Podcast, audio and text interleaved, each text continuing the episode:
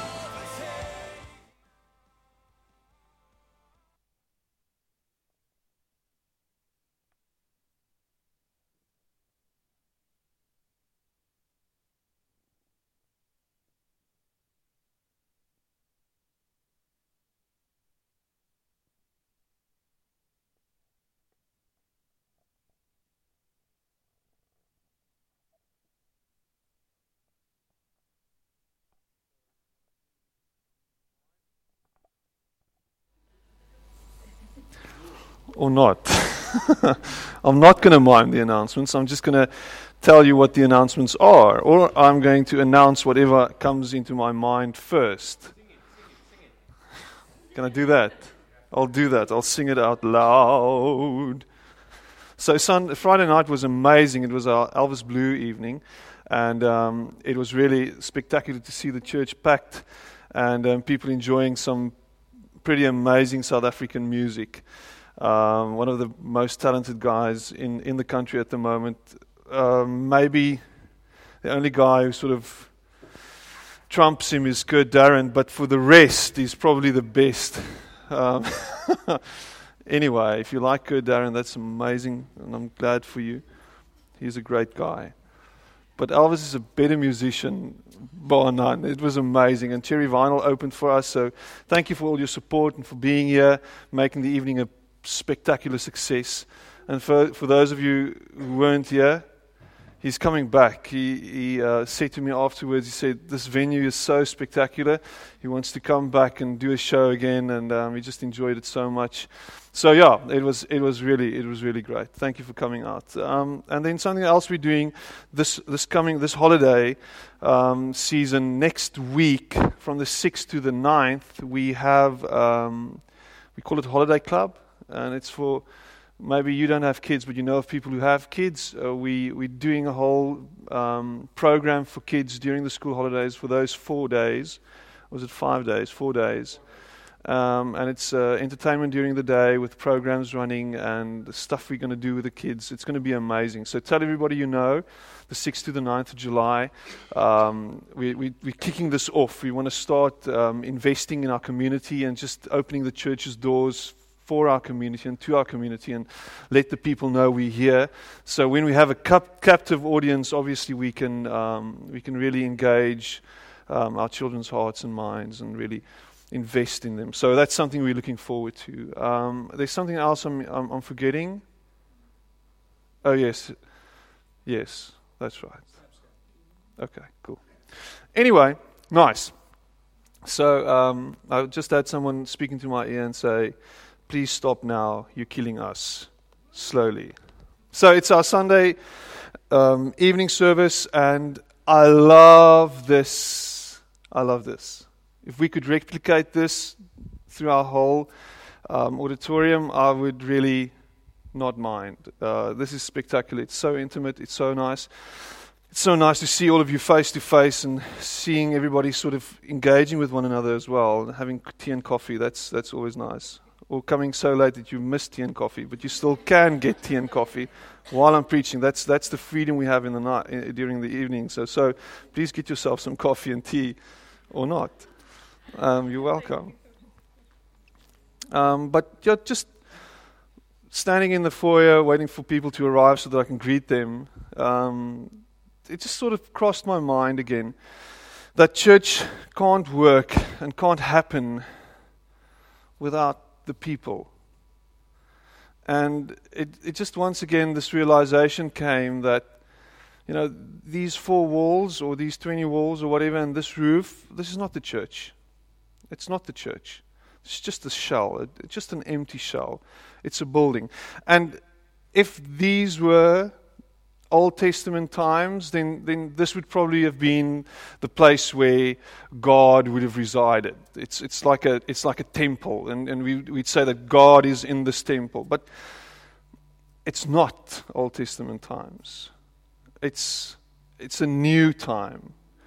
And Jesus came and he settled down among us, he lived among us.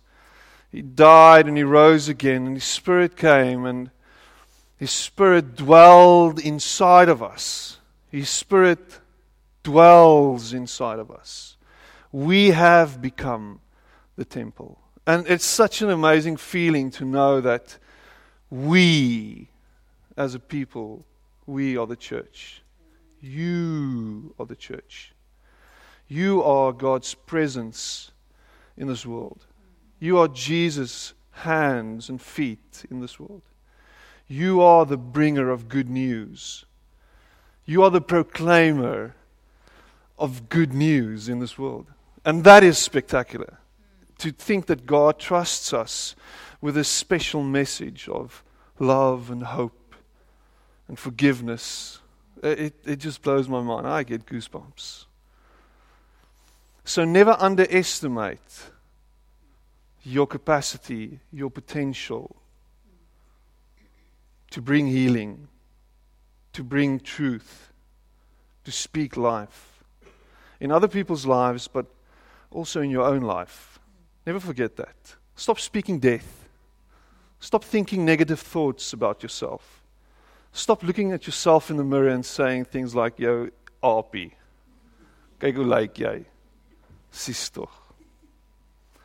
And start speaking the truth that God has spoken over you. That you are a beautiful creation. That you were made in his image. That he loves you just, just as you are. And dwell upon those thoughts every day of who he sees when he looks at you. Uh, Desiree, it's nice to have you here tonight. All the way from Mpumalanga, Shongwe to be precise. I don't know where that is, but it's a place far, far, far away from here. A place. So we have to go visit her. but it's nice to have. She grew up in our church. It's so nice to have you here tonight with us. So, how do we know what is right for us? How do we know what God wants for us? We, we always struggle with this deep, burning question inside of us. What is it that God wants for us? Is it, is it His will for us to, to you know, maybe have this specific job? Is this person in my life what He wants for me? Is, is, is this place where I live the place where He wants me to be?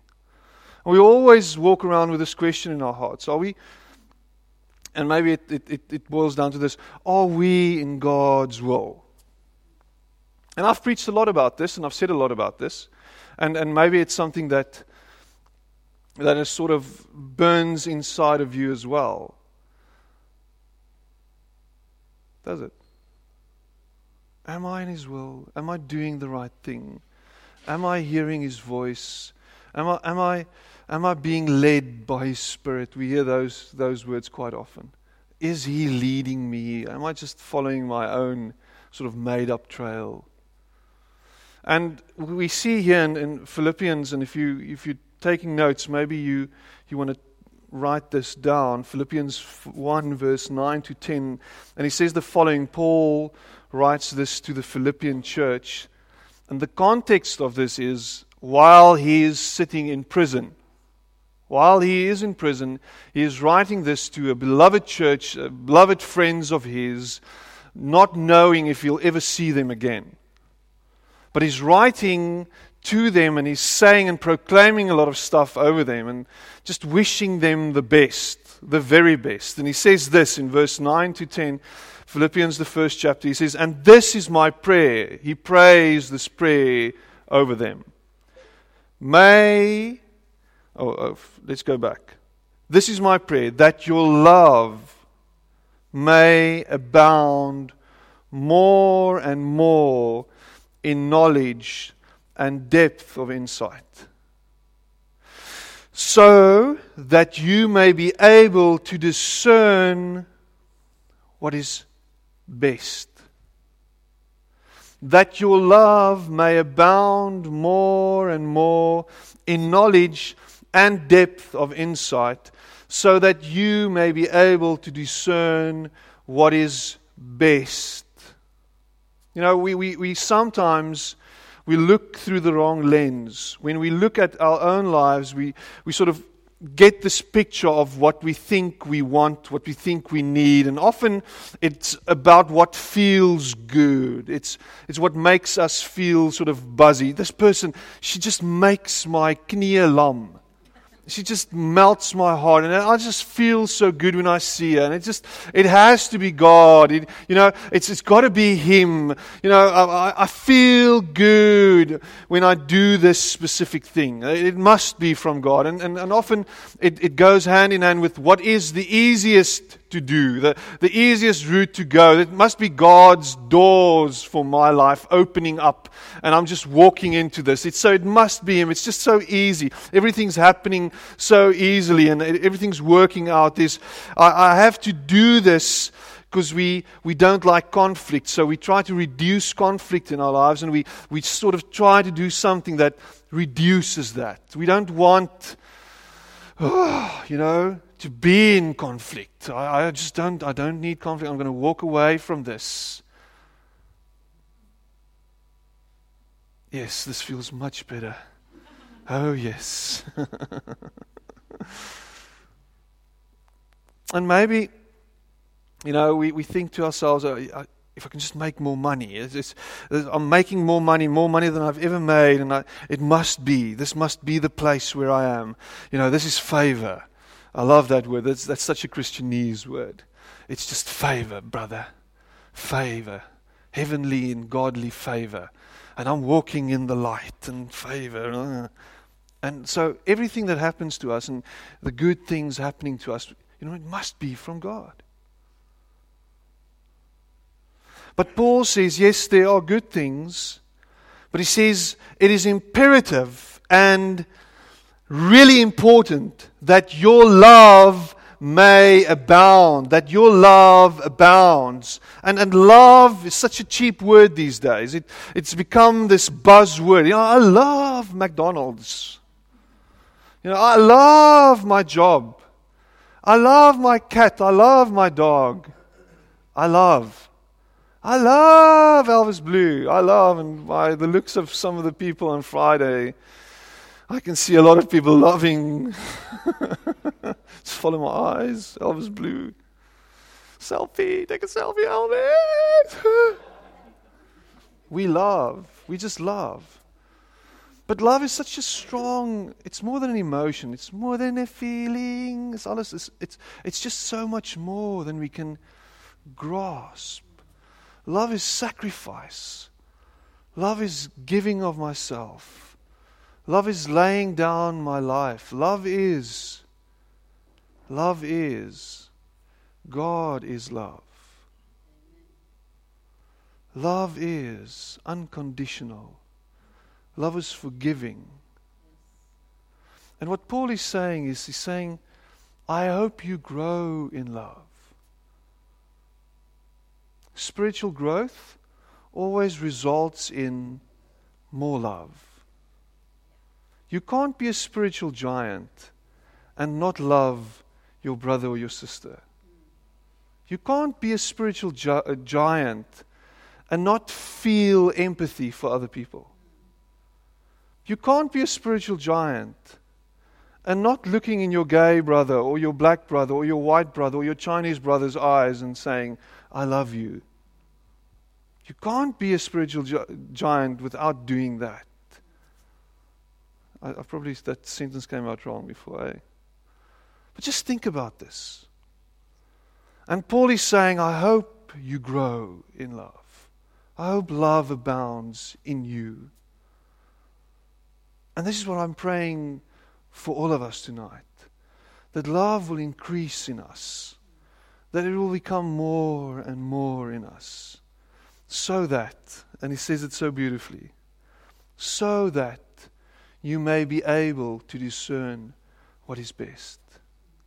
Love is not easy, love is difficult. Love is not cheap, it's expensive, it costs you quite a lot. Love is never conditional.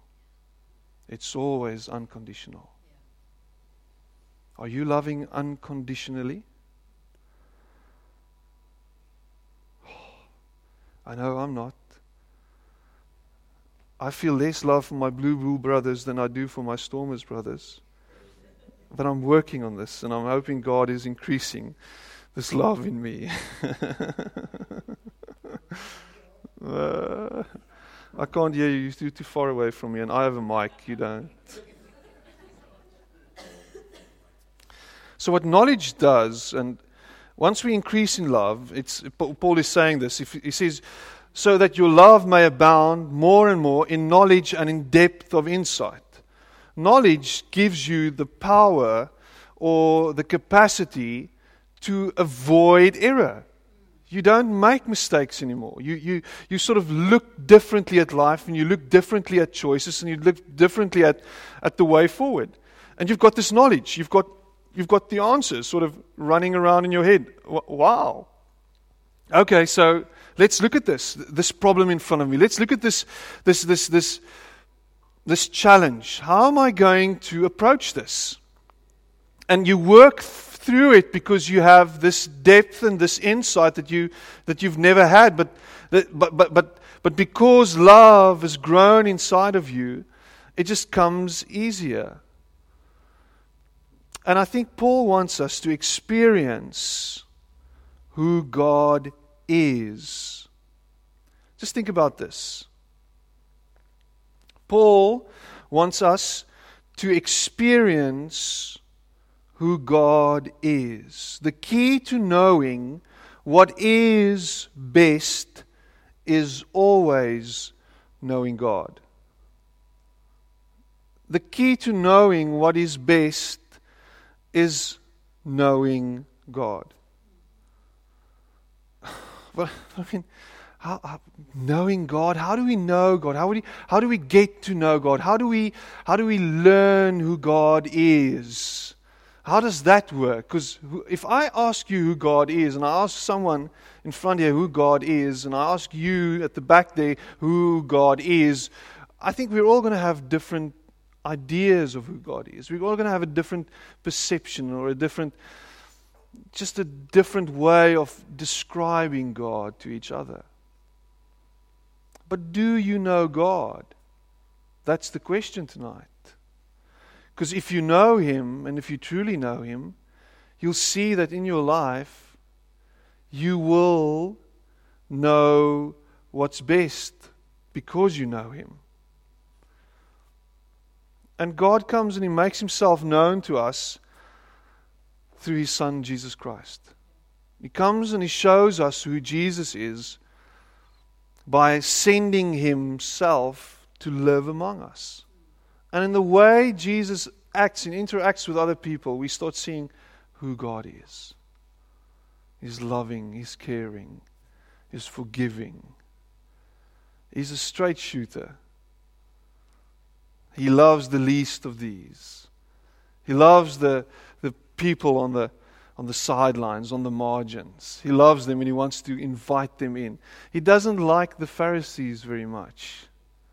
He doesn't like the know it alls He doesn't like the guys who think they have all the answers. He likes those who struggle to believe. He likes those who struggle to see. He likes those who are hurt and broken and beaten. And he brings the remedy. Such a beautiful song we did tonight. So there are a few ways of knowing God. And maybe um, we'll, we'll touch on three of, of them and, and look at them through an interesting story in, in Numbers. Numbers, which uh, is a very, very interesting book way back in the Old Testament. So we can seek godly counsel. We start knowing God by seeking godly counsel. In other words, hearing what God has to say, maybe through other people maybe through the leading of the Holy Spirit, but really just hearing, trying to hear God's voice.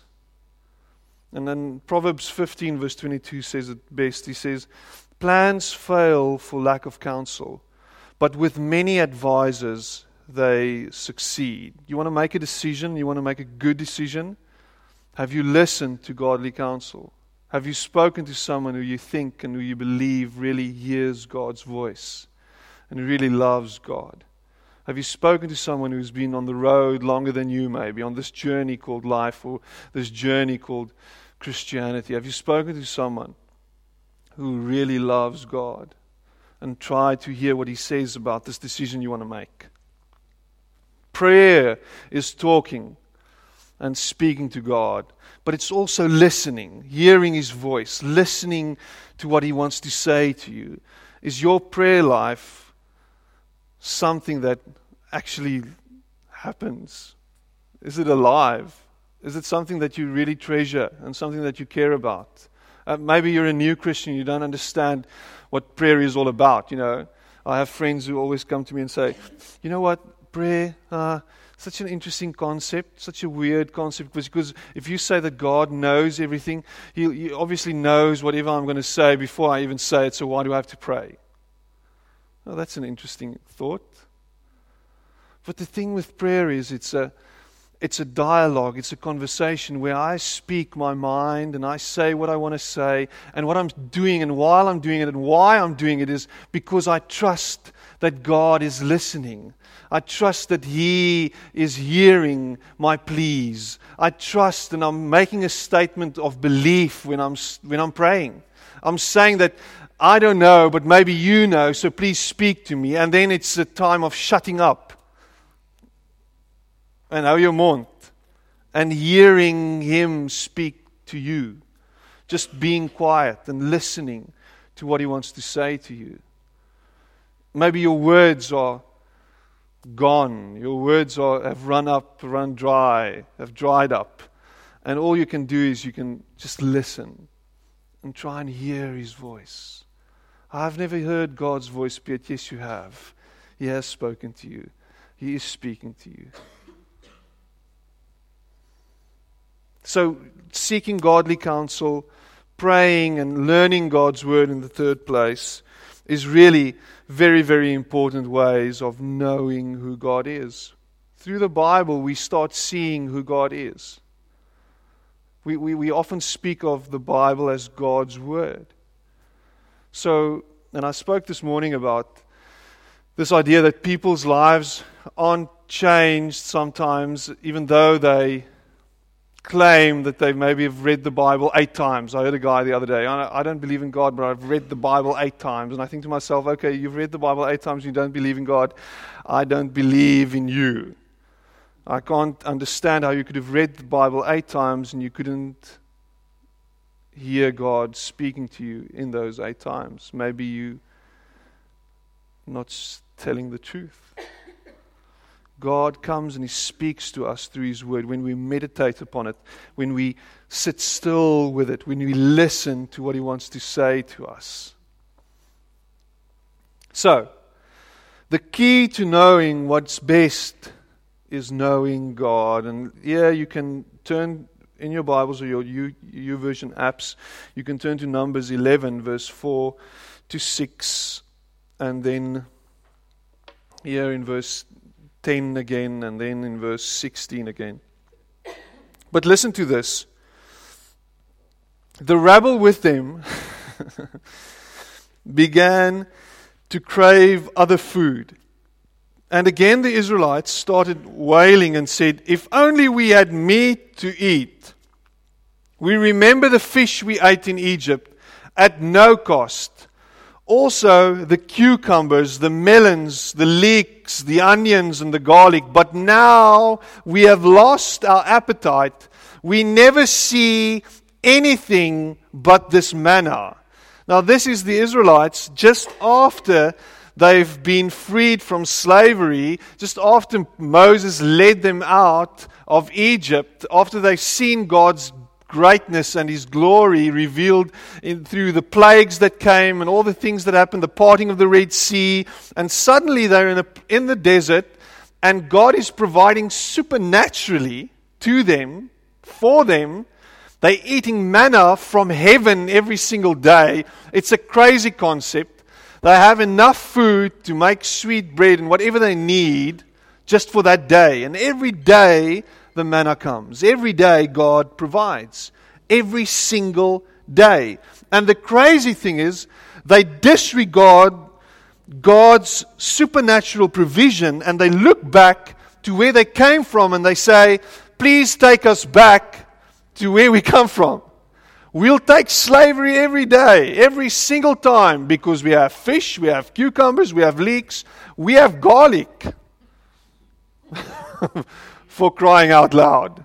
And now all we have is manna.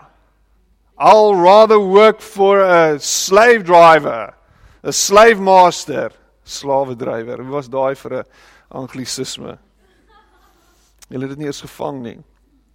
En and and and I think to myself listen to this. There's a new season. And maybe it's tough. Maybe it's not really happening for you yet. But there's this promise. There's this big promise. There's this dream. There's this vision. There's something lying in front of you. There's something ahead. And you, all you can do is maybe this isn't the right place. Maybe I should go back. Maybe I should walk back. Maybe, maybe there's something else for me there. I, I recall from our own lives, my, my wife is a financial manager for, for a huge company with hundreds of millions of rands. It's my way of bragging about her. Okay. Um, and a few years ago, she worked for and Roberts. Um, and Roberts, a big construction company, and they owned this this melting place, steel melting place in in Kales River. So they closed down this huge melting place. It was there for decades, and she got retrenched. What was amazing is God's provision that she got retrenched, she got the new job, and she, she just seamlessly went into a new season of her life. But it was hectic. It was tough. It was tough on her. The learning curve was tremendous. There was no support structure, and she had to dive and she had to swim in the deep water. It was tough. And every single month that went by, we sort of just prayed about this. God, you have to help us through this season. And, and, and she really took strain, and I felt for her because I don't know how, what it is to work. I only work on Sundays, and the rest of the time I just party. Anyway, and so I was just there with her, and, and the rumors start coming. The rumors of this, this big company buying over, this company from Turkey buying over or buying this dormant melting place again, just and going to reopen this. And and and this job was tough. It's tough. Everything's happening here. It's can it can it really be that God wants me to be here? It's so devastating for me. I feel I feel just oh, pressed down and how how are we going to how, how am I going to cope with this and how am I going to get through this and the boss is this and the terrible and everything's terrible. And the rumors started. They're going to open, reopen this place. And they started phoning her. We want you to come back. We want you to come back. We want you to come back. And she went. She went for the. She went for the. Um, for the interview at this place where she used to work. And the realization when she was there was this is not where God wants me to be. He doesn't want me here, He wants me there. He's taken me out of this place. And I'm, I'm not saying that the place where she worked was like Egypt. I'm not saying it was a place where she was driven by a slave master. I'm not saying that. I'm just saying God has put her in a new place. And it is tough. And if you ask her now, she's moved along. They've bought over a few other companies this new company that she's working for, and she's, she's in a better place than she's ever been. But it was tough. But God leads us into a new season every so often, and it's not easy. And maybe you're struggling now. But I'm telling you something tonight, and I'm saying something. Don't go back. Don't look back. Look ahead. Look forward. Look in front of you. God's leading you through this. And this, this desert time will end. Canaan is just around the corner. But hold on. Hold on tight. Just keep on keep on focusing on him. Just keep on knowing that he is a loving God, that he loves you and that he cares for you and that he'll take you through this. He'll take you, he'll lead you through this. I don't want manna. I want fish and garlic. And, and Moses was struggling with this. He was really struggling with this. He was, he was struggling with the fact that these people were so ungrateful. He, he was really, he had this beautiful picture in his mind of where God wanted to take them. God showed him this new place they were going. And he knew where they were going. We, I can see the place. We're heading there. And apparently, if you, if you look at, at where Canaan is versus Egypt, it was like something like a two week trek, maybe. But they got stuck there for 40 years. 40 years of grumbling and 40 years of moaning and 40 years of. But in the process, Moses was just getting worn down by this. He was really, it was taking its toll on him as well. He wasn't broken down because of the fact that he only ate manna. He was broken down by the fact that these people were so ungrateful. And, they, and, and, and listen to him here.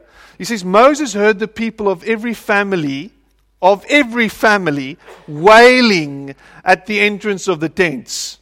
Apparently, there were millions of people, apparently, apparently. Millions. And he heard the wailing of every family at the entrance to the tents. The Lord became exceedingly angry, and Moses was troubled. He asked the Lord, Why have you brought this trouble on your servant? He was struggling with a whole different kettle of fish. Why have you brought this struggling this struggle on your servant? Why am I in this situation? Why am I going through this? What have I done to displease you that you put the burden of all these people on me? And then he goes on a, on a rampage. He just goes on a verbal diarrhea, sort of. And he just lets God have it. Let God have it. He, he, he says the following He said, Did I conceive all these people? Did I give them birth? Why do you tell me to carry them in my arms as a nurse carries an infant to the land you promised on an, on an oath to their ancestors? Where can I get meat for all these people? They keep wailing to me, Give us meat to eat. I cannot carry all these people by myself. The burden is too heavy for me. If this is how you are going to treat me, please go ahead and kill me. Kill me now. Don't kill me softly. Kill me. If I have found favor in your eyes, and do not let me face my own ruin. Please. I can't take this anymore. Really? Is this the best you have for me? Is this the best? Is this where I'm supposed to be? Can this be? And what, what, is, what, is, what is Moses doing here? Moses is praying. Moses is in an authentic time of prayer, in a real time of struggle with God in a real and a honest conversation with God. Prayer is not about using all these big words about, ooh, sovereign Lord, or God Almighty, Heavenly Father. It's about engaging with God, bemoaning your circumstances, and just laying it before Him and say, Lord, this is what I this is this is where I am. This is this is what I'm feeling. This is how I'm struggling. Where are you in this? Show yourself. Help me through this or kill me. Whatever it is you want to do with me, do it because I can't take this. Have you ever spoken to God in such a manner where you are totally and completely, completely stripped of every, in, any pretense, just being yourself, just laying it out before Him? Have you ever spoken to God like that? Being really, really honest, honest to the bone, just saying what you feel. That's what prayer is. Just letting God have it. Please, God, come on. This can't be. Just being open and honest. Thinking all these things. You know what you're thinking about Him. Where are you? Why am I? What? What? But when we pray, we sort of often walk away from that and we think we, we, we're trying to say the things that, we, that God wants to hear so that He can give us what we think we need. And that's not what prayer is. Prayer is about really sharing our minds, sharing our hearts, because God already knows. And I believe when we are truly honest, when we are really being and really saying what we're going through and really meaning it, really being honest, truthful, God responds. I really and truly believe that. I've seen it. I've seen it in my own life. When I don't know, when I'm at the end of my rope, when I don't have the answers, I've struggled. I've tried to figure this out. And then just boom, in a moment, God steps in.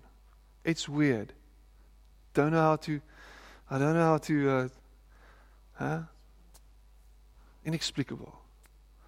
It just happens because you've been truly honest.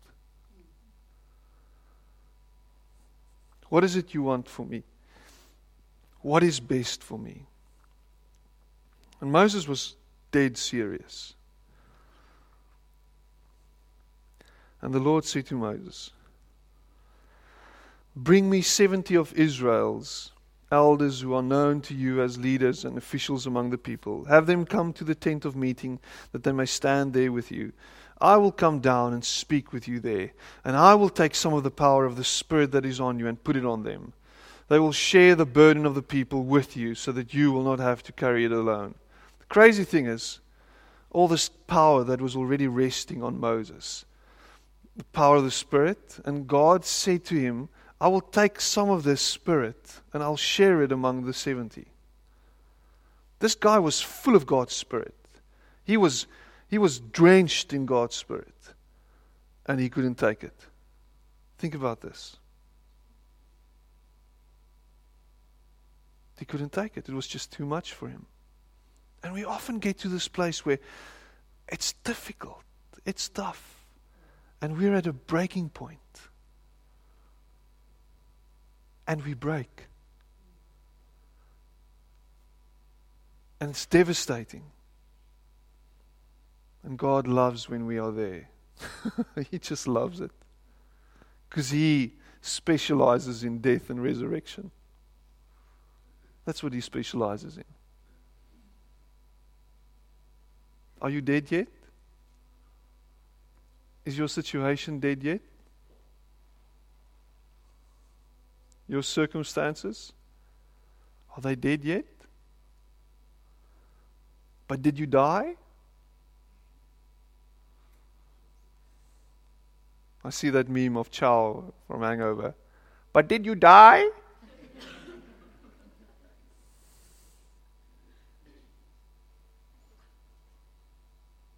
and out of the ashes and from the dead bones, God creates and He makes. I know I'm going longer than, than normal tonight, and I hope you forgive me. But I have a friend who's going through a bad and a terrible patch in his life. Him and his wife were separated. He's been living in a uh, at a friend's house for, for I don't know how long. And they've started with their attorneys and they've started battling each other and making demands, ridiculous things going on, hurtful things. And, and I asked him the following the other day. I said, do you really want a divorce? And he says, No, I don't. I just can't go on like this anymore.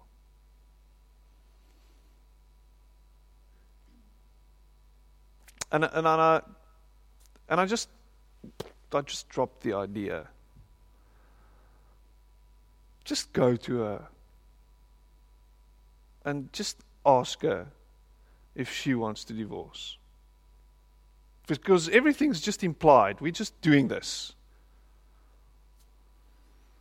And and the and I mean this this relationship has deteriorated to a, a mudslinging contest. And he SMSed me today. And he said the following She wants to try again. Uh, it was, it was spectacular when I heard that.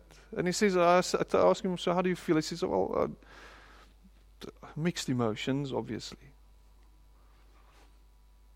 But where there is no hope, God will make a way. God will do something. And maybe some of you sit here and you've been divorced for how long, or you, your marriage has ended, or whatever.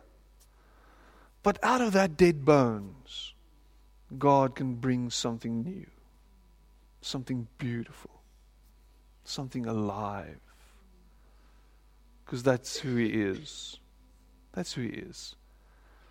He specializes in death and resurrection. I love that. And then tell the people to consecrate them yourselves in preparation for tomorrow when you will eat meat. Prepare thyself. The meat is coming. The Lord heard you. He heard you when you wailed. If only we had meat to eat. I love this. I love this. I love the way he puts it here. We were better off in Egypt. God heard you. Now the Lord will give you meat and you will eat it. you will not eat it for just one day or two days or five, ten or twenty days, but for a whole month until it comes out of your nostrils and you loathe it. Because you have rejected the Lord who is among you and have wailed before him, saying, Why did we ever leave Egypt? you asked for it, you're going to get it. Now go with it. It's going to come out of your nostrils. But Moses said, so, but, but here I am among 600,000 men on foot, and you say, I will give them meat to eat for a whole month? Would they have enough if flocks and herds were slaughtered for them? Would they have enough if all the fish in the sea were caught for them? How are you going to do this, God? Are we going to slaughter everything we have? Are we going to start killing off the beasts of the field and catch the fish of the sea? 600,000 men. Okay? They didn't regard the women and the children as people, it seems. But I mean, they were there too. Millions of people. So, how's this going to work? How? How? How, God? How, how are you going to do this? What are you going to do in my life? And how are you going to do this? Uh, we're at the end of our ropes. It's the end of this. It's the end of the relationship. It's the end of my life. It's the end of my job. It's the end of my money. It's the end of everything. There's no way you can do something about this. And that's the problem we have. We always look with our own eyes into circumstances we can see, things that, things that are sort of tangible, and we limit God to these things. And we say this is how we see it. And we immediately think that God doesn't see it. Hello. It's like Lisa coming to me and say, Hello. She calls me a monkey these days. It's very funny. She's a five year old teenager. Hello, stinky pants. What are you doing? Oh, yes, mal, says it from my. And it's like Moses standing in front of God. Oh, you know, that's a great story. That's amazing. How are you going to do this? And then God comes and he says, The Lord answered Moses. Is the Lord's arm too short? And, and that's Bible speak for.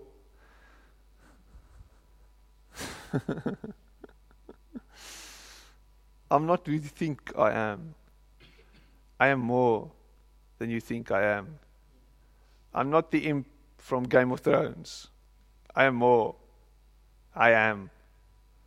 My arms are not short like a Tyrannosaurus Rex. I am more than that.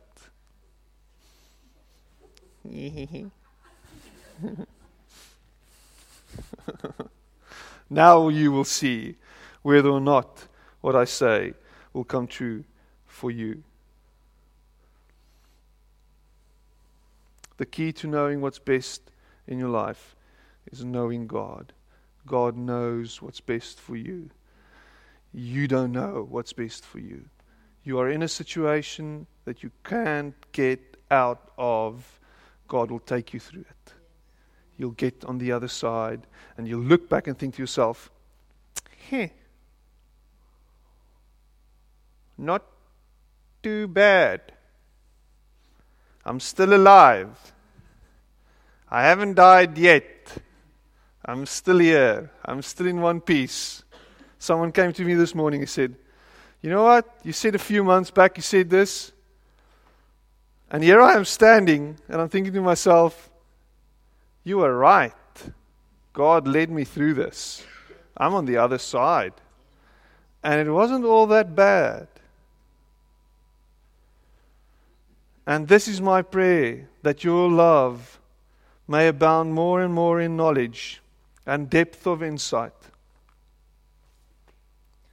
so that you may be able to discern what is best and may be pure and blameless for the day of Christ. God will make a way. God will restore whatever needs restoration in your life. God will heal whatever needs healing in your life. God will raise whatever needs life in your life. God will make a way where there is no way. God will do this, and He'll do what is best for you. What is best for you? Lay whatever you need to lay before Him and just give it to Him and say, Lord, I don't know if this is the best thing for me. I'm trusting you for the best. I'm trusting you to come through for me and to work these things together for my good. I know you will.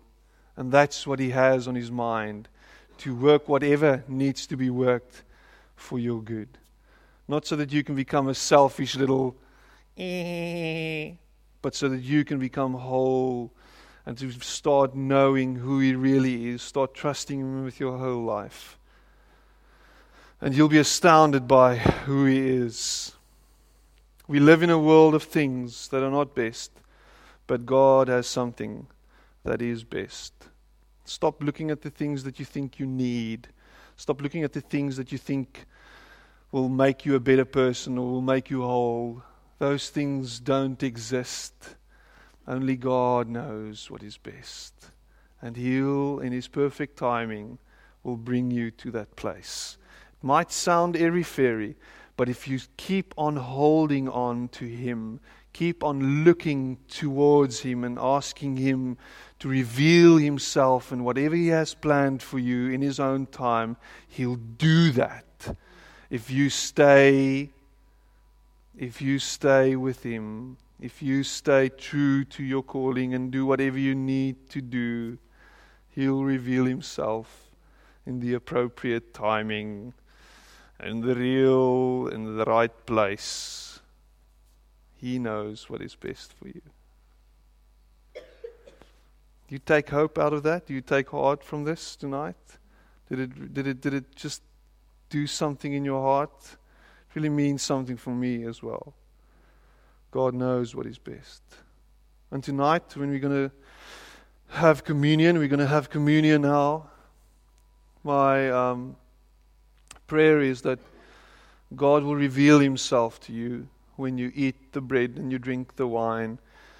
You'll hear His voice and you'll just rest in the knowledge that He's with you, that you're not alone, that you won't die.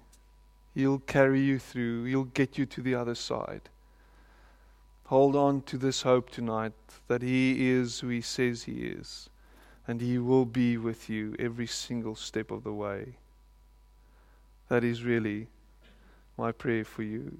Lord Jesus, thank you that we know that you are a living God, that you were raised from the dead, and because you were raised from the dead, death has no hold over us. Death doesn't have any sting anymore.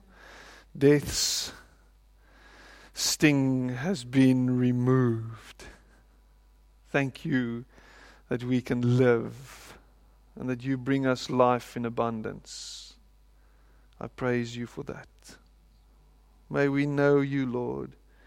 May you reveal yourself to us. May we grow in love. May we grow in discernment and understanding of what is best for us. May we rest in, in the knowledge that you know best. Bring peace where there is no peace. Bring hope where there is no hope. Bring life where there is death. And I pray this in Jesus' name. Amen. So there are two stations, communion stations. Over there, over here, there are little baskets where you can put your money if you have money to give tonight.